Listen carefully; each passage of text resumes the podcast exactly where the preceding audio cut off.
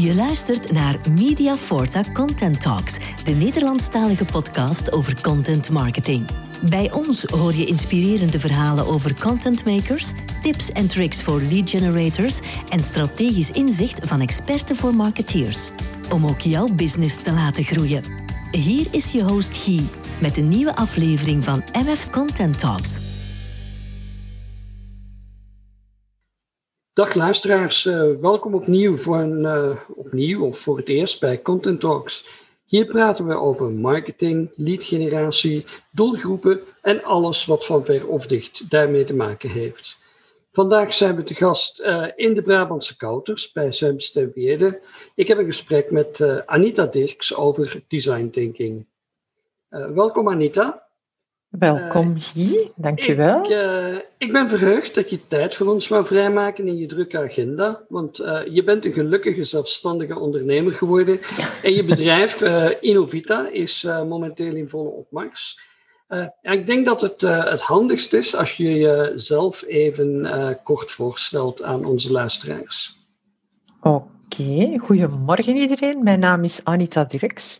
Ik ben ondertussen 58 jaar, heb een 35-jarige carrière bij Engie achter de rug en ben toch nog op mijn 54ste aan een tweede carrière begonnen. Ik word eigenlijk bestempeld als een no-nonsense madame die zeer graag de mensen enthousiasmeert, inspireert en mijn vrienden die zeggen ook wel eens dat ik een echte ideeënfontein ben.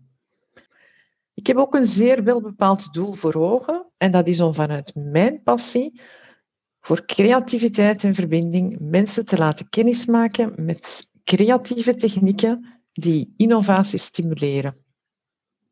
Uh, design thinking, om, uh, om dan maar meteen met het uh, onderwerp van vandaag in huis te vallen. die term doet denken aan, aan, aan design, ontwerpen. Uh, maar daar heeft het niet direct mee te maken. Al hebben ze de mosterd wel gehaald bij de designwereld. Klopt, inderdaad. Dus die term design thinking is echt wel ontleend uit de architectenwereld. Uh, logisch ook, want een, architect die ontwerpt ook een huis op basis van wat de klant wil. En hij gaat niet eerst zijn huis bouwen en dan een koper daarvoor zoeken. Dus ook die architect, die bouwheer, die gaan, die gaan zich echt proberen in te leven in de leefwereld van diegene waarvoor hij het ontwerp moet maken. Uh, de beste definitie voor design thinking is nog steeds die van David Kelly. En David Kelly is echt de godvader van design thinking. En ik ga ze voor u vertalen, voor de kijkers. Nee, sorry, voor de luisteraars, beter gezegd. Ja, we hebben luisteraars. We hebben luisteraars, ja, ja, ja, ja. Maar ik ga ze eigenlijk heel letterlijk vertalen, want elk woord heeft zijn betekenis.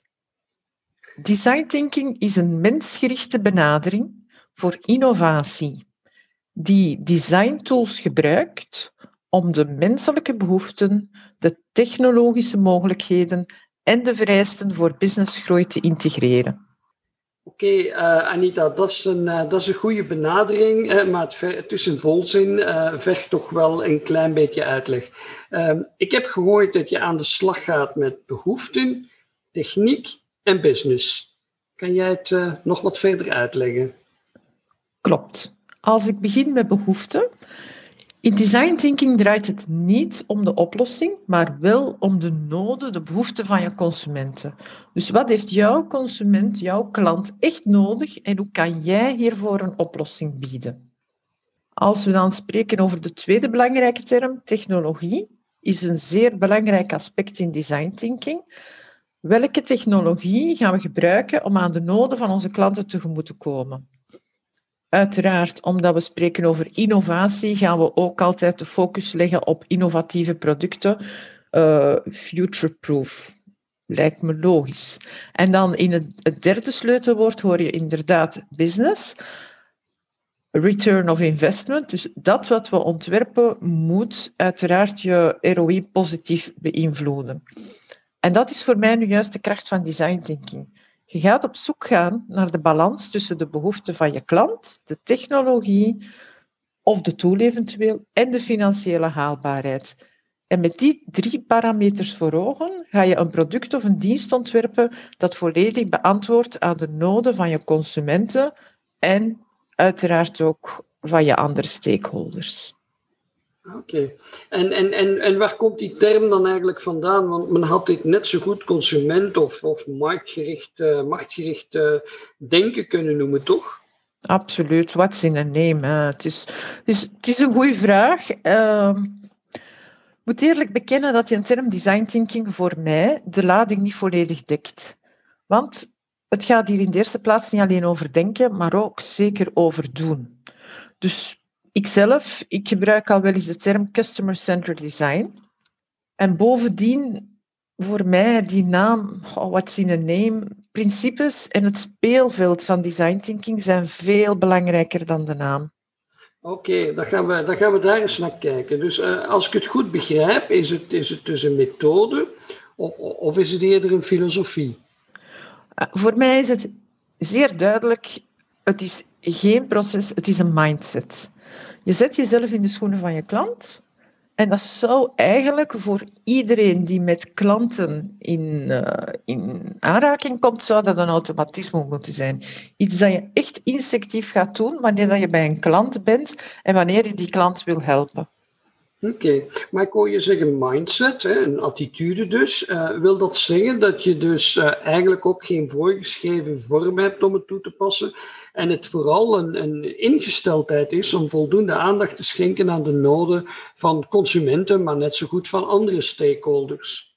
Wel, in design thinking is het zo, je hebt een stappenproces en dat gaat je, onder, je uiteraard wel goed ondersteunen om tot dat product of dienst te komen dat beantwoordt aan de noden van je klant.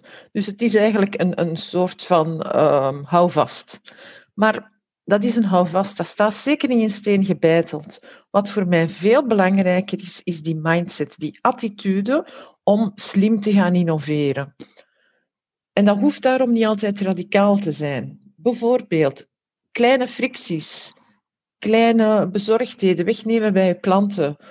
Een aanpassing aan uw website, een knop toevoegen aan uw, aan uw app whatever. Alles is ook innovatie en hoort bij gevolg ook thuis in dat proces van design thinking. Ja, het zijn vaak die kleine dingetjes uh, die we vergeten. Uh, Anita, is het eigenlijk een, een, nieuwe discipline of heeft het uh, nu vooral dus, dus, die naam opgeplakt gekregen, zoals je daarnet al zei? Want, want onderzoek door, door echte gebruikers in te schakelen, dat bestaat toch al veel langer dan vandaag? Absoluut, dat is niks nieuws. Hè. We hebben het altijd al gekend, maar nu meer dan ooit wordt er meer aandacht aan besteed. Klant wordt mondiger, uiteraard. En dat is dan ook het formaliseren, het in een proces schieten, de naam. Het is een, een vermarktbaar, men zou kunnen zeggen, het is echt een vermarktbaar product geworden. En het kind heeft een naam gekregen. Uh, we hebben het tot uh, hiertoe vooral over, over consumenten gehad. Hè, en dat is natuurlijk ook uh, het belang van deze podcast. Maar eigenlijk kan je het heel wat breder inzetten, dacht ik. wat zijn zo de, de typische toepassingsdomeinen? Wel, dat is inderdaad mijn specialiteit. Dus ik heb inderdaad in het begin design thinking ehm, geleerd en beginnen overlezen. En in eerste opzicht was dat voor mij iets dat werd gebruikt voor innovatie van producten en diensten. En als je daaraan denkt, dan maak je direct de link met uh, de research and development uh, departementen of ergens een team van creatieve koppen die graag brainstormen, die, die rechtstreeks gelinkt zijn aan de salesafdeling.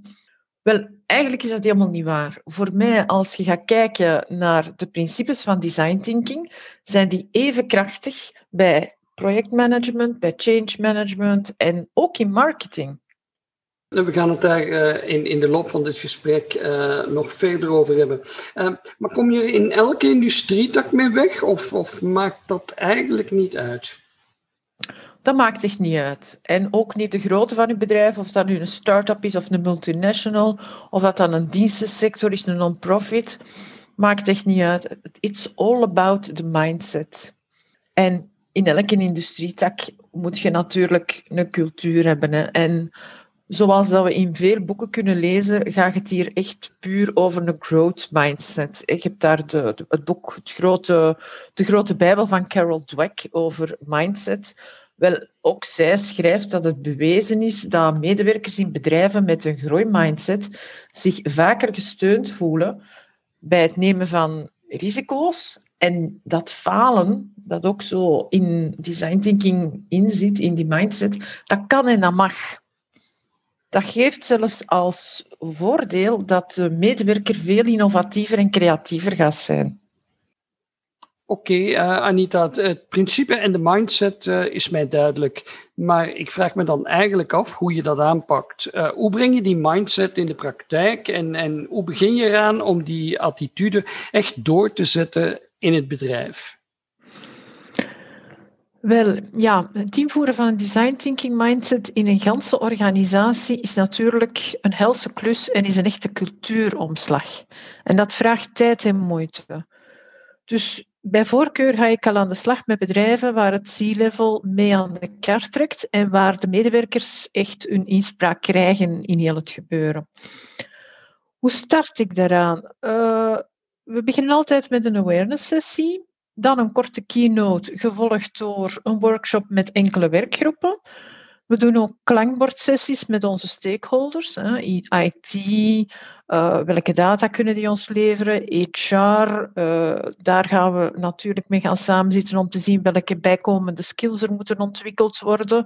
Ik denk daar bijvoorbeeld aan skills communicatie, skills facilitatie, skills uh, ook uh, het leren werken in korte iteraties, verschillende brainstorming technieken, dat staat allemaal op de agenda. En dan met interne communicatie werken we uiteraard een communicatieplan uit, zodat de ganse organisatie goed geïnformeerd blijft. Dat is absoluut van het grootste belang. Als we dan de organisatie beter leren kennen, dan gaan we ook de zogenaamde early adopters identificeren, die we dan gaan inzetten als ambassadeurs. Zij gaan zorgen voor de positive vibe en een tamtam, iets dat je natuurlijk hard nodig hebt als het gaat over change. Nu, als we design thinking willen implementeren, is het integreren van het stappenproces en de bijhorende toolset natuurlijk ook een must. Dus we gaan ook die workshops faciliteren waar we de tools echt gaan gebruiken en waar we echt gaan werken rond actuele problemen. En dan gaan we monitoren, we gaan bijsturen en we gaan dan best practices uitschrijven op maat van de organisatie. Wat ik ook een heel belangrijk uh, aspect vind als je innovatie wil gaan stimuleren, is dat je eigenlijk een soort van een digitaal innovatieplatform gaat ontwikkelen, zodat uw medewerkers een centraal entry point hebben voor al hun ideeën. Oké. Ehm, ja, ik, ik, ik hoor daaruit hè, dat het werkelijk iets is wat je in het, in het hele bedrijf um, uh, doortrekt, in de hele organisatie uh, inzet en dus echt wel uh, een, een, een transformatie. en als we dan even korter inzoomen op marketing, wat kan ik er daarmee of hoe pas ik design thinking daartoe? Ik zal het concreet maken met een voorbeeld uit de content marketing. Een van de beste campagnes waar de consument zich mee kan vereenzelvigen, is uiteraard een campagne waar de consument zich kan inleven, waar hem zijn pijn, zijn nood voelt. het is toch veel krachtiger als je kunt zoeken naar content die gaat beantwoorden aan de noden van je persona in co-creatie met hen, dus samen met hem. Zo krijg je een holistische visie die wordt of die kan worden gestuurd vanuit verschillende invalshoeken. Als je nu bijvoorbeeld kijkt naar uh, een prototype om, zal ik maar zeggen, nieuwe formaten te testen in de marketing. En je maakt een prototype, dat is snel, goedkoop. En als het goed is, kun je ermee verder gaan. Is het niet goed? Heb je het getest en ziet je dat beoogde doel niet wordt bereikt?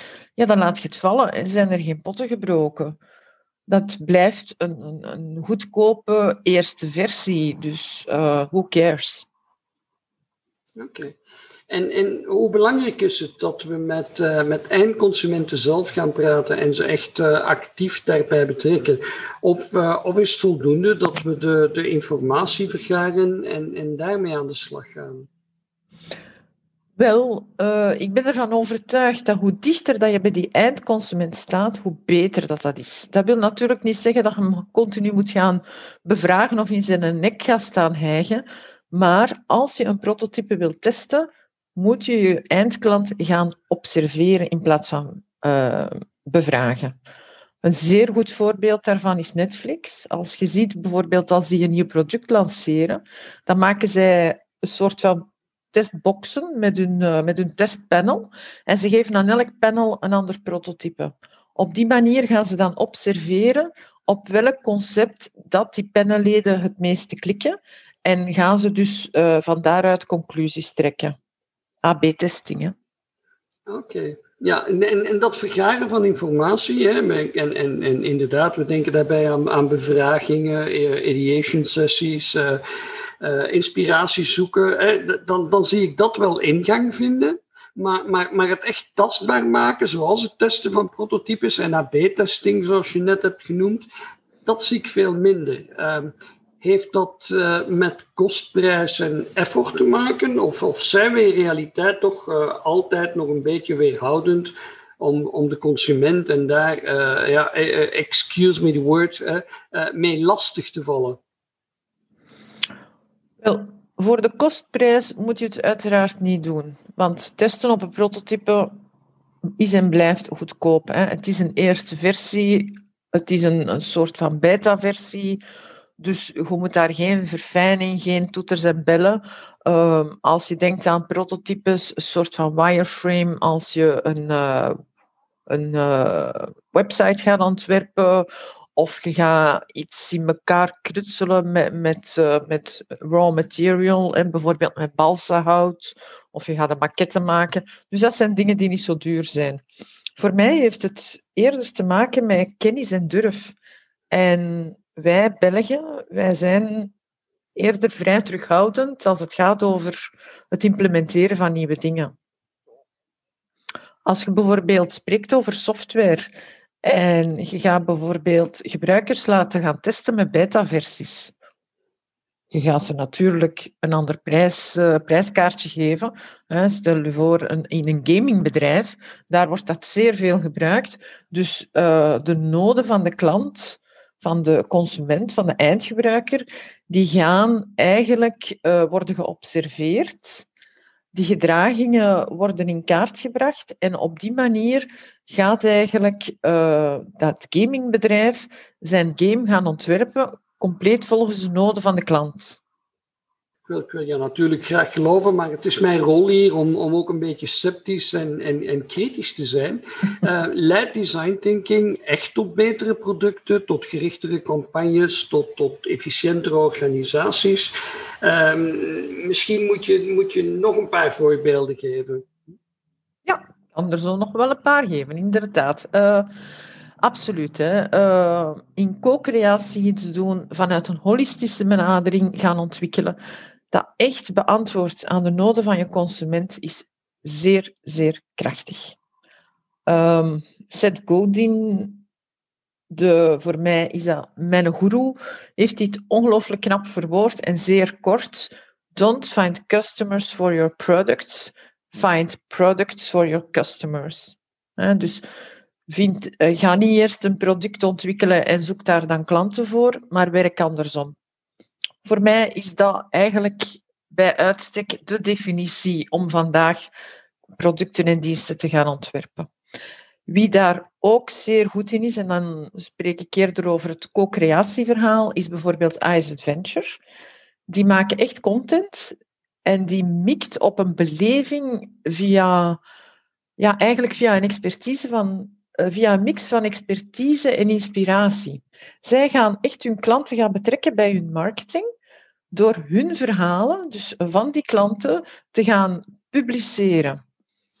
En als marketingtool is dit niet alleen zeer krachtig, maar tevens ook zeer goedkoop. Want anders moeten die marketeers al die reizen gaan maken. Uh, ze zouden dat niet doen. Dus eigenlijk wordt dat dan voor de marketeers een heel andere manier van marketing. En als de reizigers hun verhaal vertellen, ja, dan kan je je onmiddellijk inleven. Je hebt die mooie foto's ter illustratie. Dus eigenlijk is dat een win-win situatie. De reiziger kan zijn verhaal vertellen en Ice Adventure blijft top of mind. En ook dat is weer design thinking. Hè? Dit gaat niet over innovatie in producten of diensten, maar innovatie van een nieuw formaat in uw marketingmix. Wat het ook weer krachtig maakt. Dat is een, een, een, mooi voorbeeld en, en, en we zien het ook uh, visueel al helemaal uh, voor ons. Hè. Dat, is, dat is ook een trek. Um, mensen betrekken, dat, dat, dat, is een nobel doel. En, en ik geloof zelf ook heel erg in het, in, in het goed analyseren van, van allerlei aspecten in je doelgroep. en, gaandeweg heb ik geleerd dat, dat gericht luisteren daarbij heel belangrijk is.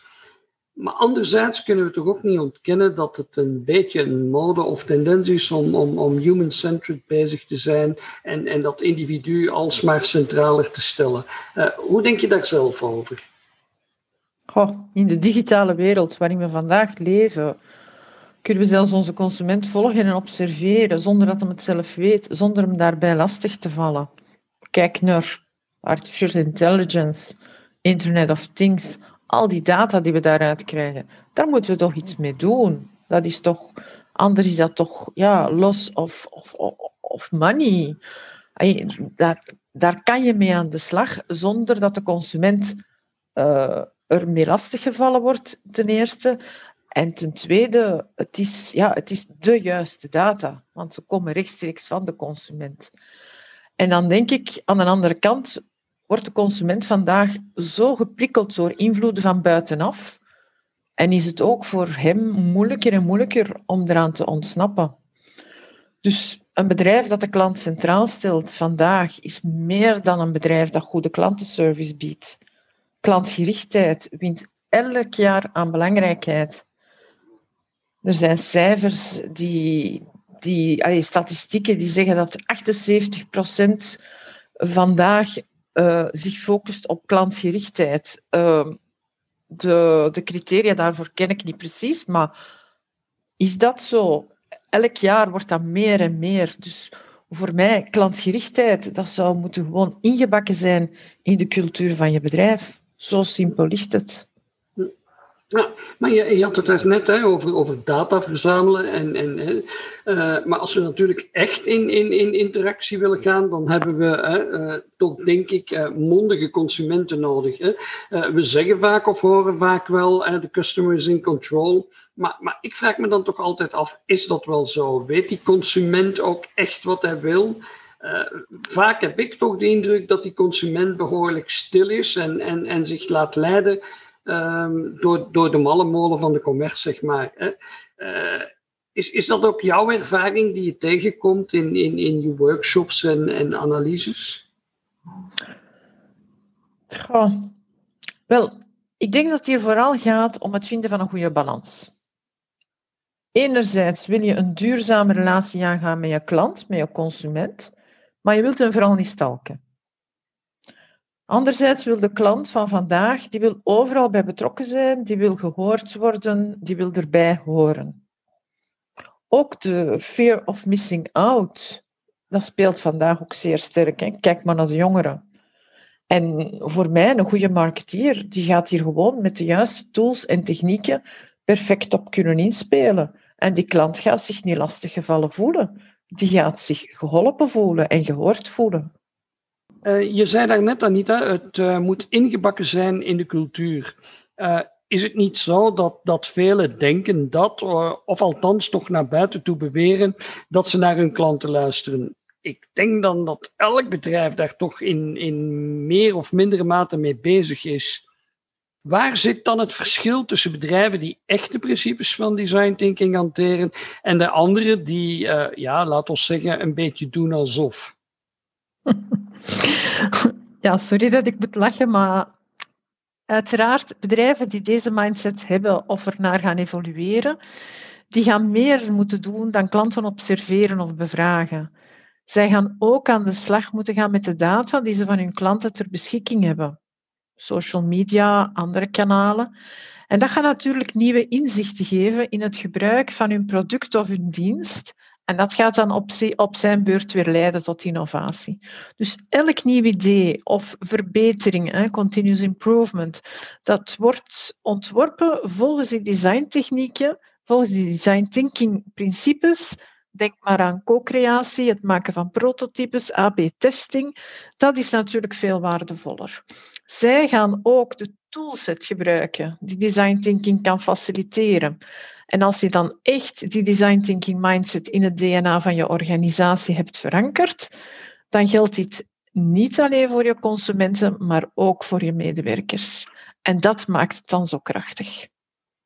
Oké, en als we hiermee rekening houden dan, uh, hoe, hoe, zit het dan hier in Vlaanderen en, en, en, en België, hè, met onze Belgische uh, en Vlaamse bedrijven?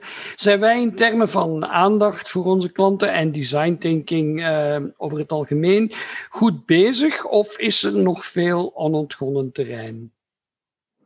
Oh, in België is er echt nog wel veel werk aan de winkel.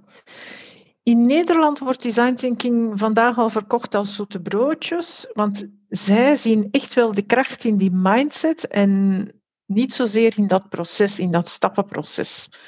Ik ken verschillende Nederlandse collega's die via design thinking de cultuur in het ganse bedrijf hebben getransformeerd naar meer creativiteit en innovatie op de werkvloer.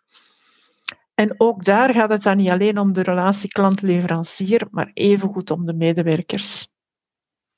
Dat is uh, duidelijk. Uh, dank, jou wel, dank je wel voor je deskundige uitleg, Anita. Ik heb weer iets bijgeleerd en als we onze luisteraars nu de goesting hebben gegeven uh, om eens wat vaker doelgericht naar de verschillende stakeholders te luisteren of design thinking in zijn geheel te implementeren in hun bedrijf of althans een start daarmee te maken, dan hebben we een winsituatie. Uh, nog even meegeven dat jij hen bij dat proces om die uh, mindset te implementeren kunt helpen en ondersteunen. Uh, en ze ook nog een en ander rond design thinking kunnen lezen en downloaden op je website innovita.be. Wie vaker luistert naar Content Talks weet dat ik elk gesprekje afsluit met een ultieme tip of goede raad van de sprekers. En wat zou jij onze luisteraars vandaag nog willen meegeven? Wel, Guy, voor de luisteraars heb ik een belangrijke tip. Focus op je klanten en je medewerkers, want zij zijn echt je voornaamste kapitaal.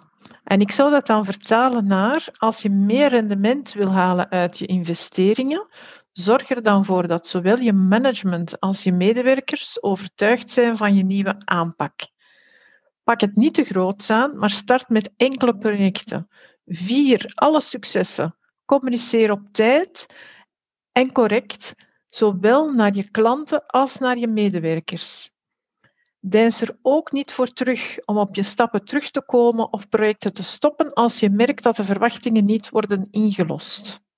Hoe meer kleine successen je boekt, hoe meer het vertrouwen zal groeien en hoe meer de design thinking zijn intrede zal vinden in jouw organisatie. Dat heb jij um, heel mooi gezegd. Uh, blij dat je bij ons was, Anita, om het met de woorden van Martien te zeggen. En ook natuurlijk u, beste Content Talks luisteraars. Uh, tof dat je naar ons luisterde. Wij vinden het fijn als je over ons praat in je netwerk, met je collega's enzovoort. Hoe meer luisteraars de weg vinden naar onze podcast, des te meer interessante sprekers je van ons mag verwachten. We rekenen op u en u kan op ons rekenen voor meer Content Talks afleveringen. Abonneer je op onze cast via Spotify, Apple Talks en Google Post, uh, Podcast, om de belangrijkste te noemen. En dan krijg je een melding uh, via je uh, favoriete kanaal, telkens we een nieuwe episode toevoegen. bedankt dat u bij ons was. Tot binnenkort. Dit was MF Content Talks. Volg onze podcasts op onder meer Spotify, Google Podcasts, Apple.com en nog meer kanalen. Op onze website mediaforta.com vind je het overzicht van al onze streams en onderwerpen. Zo hoef je niets te missen. Bedankt voor het luisteren en tot binnenkort.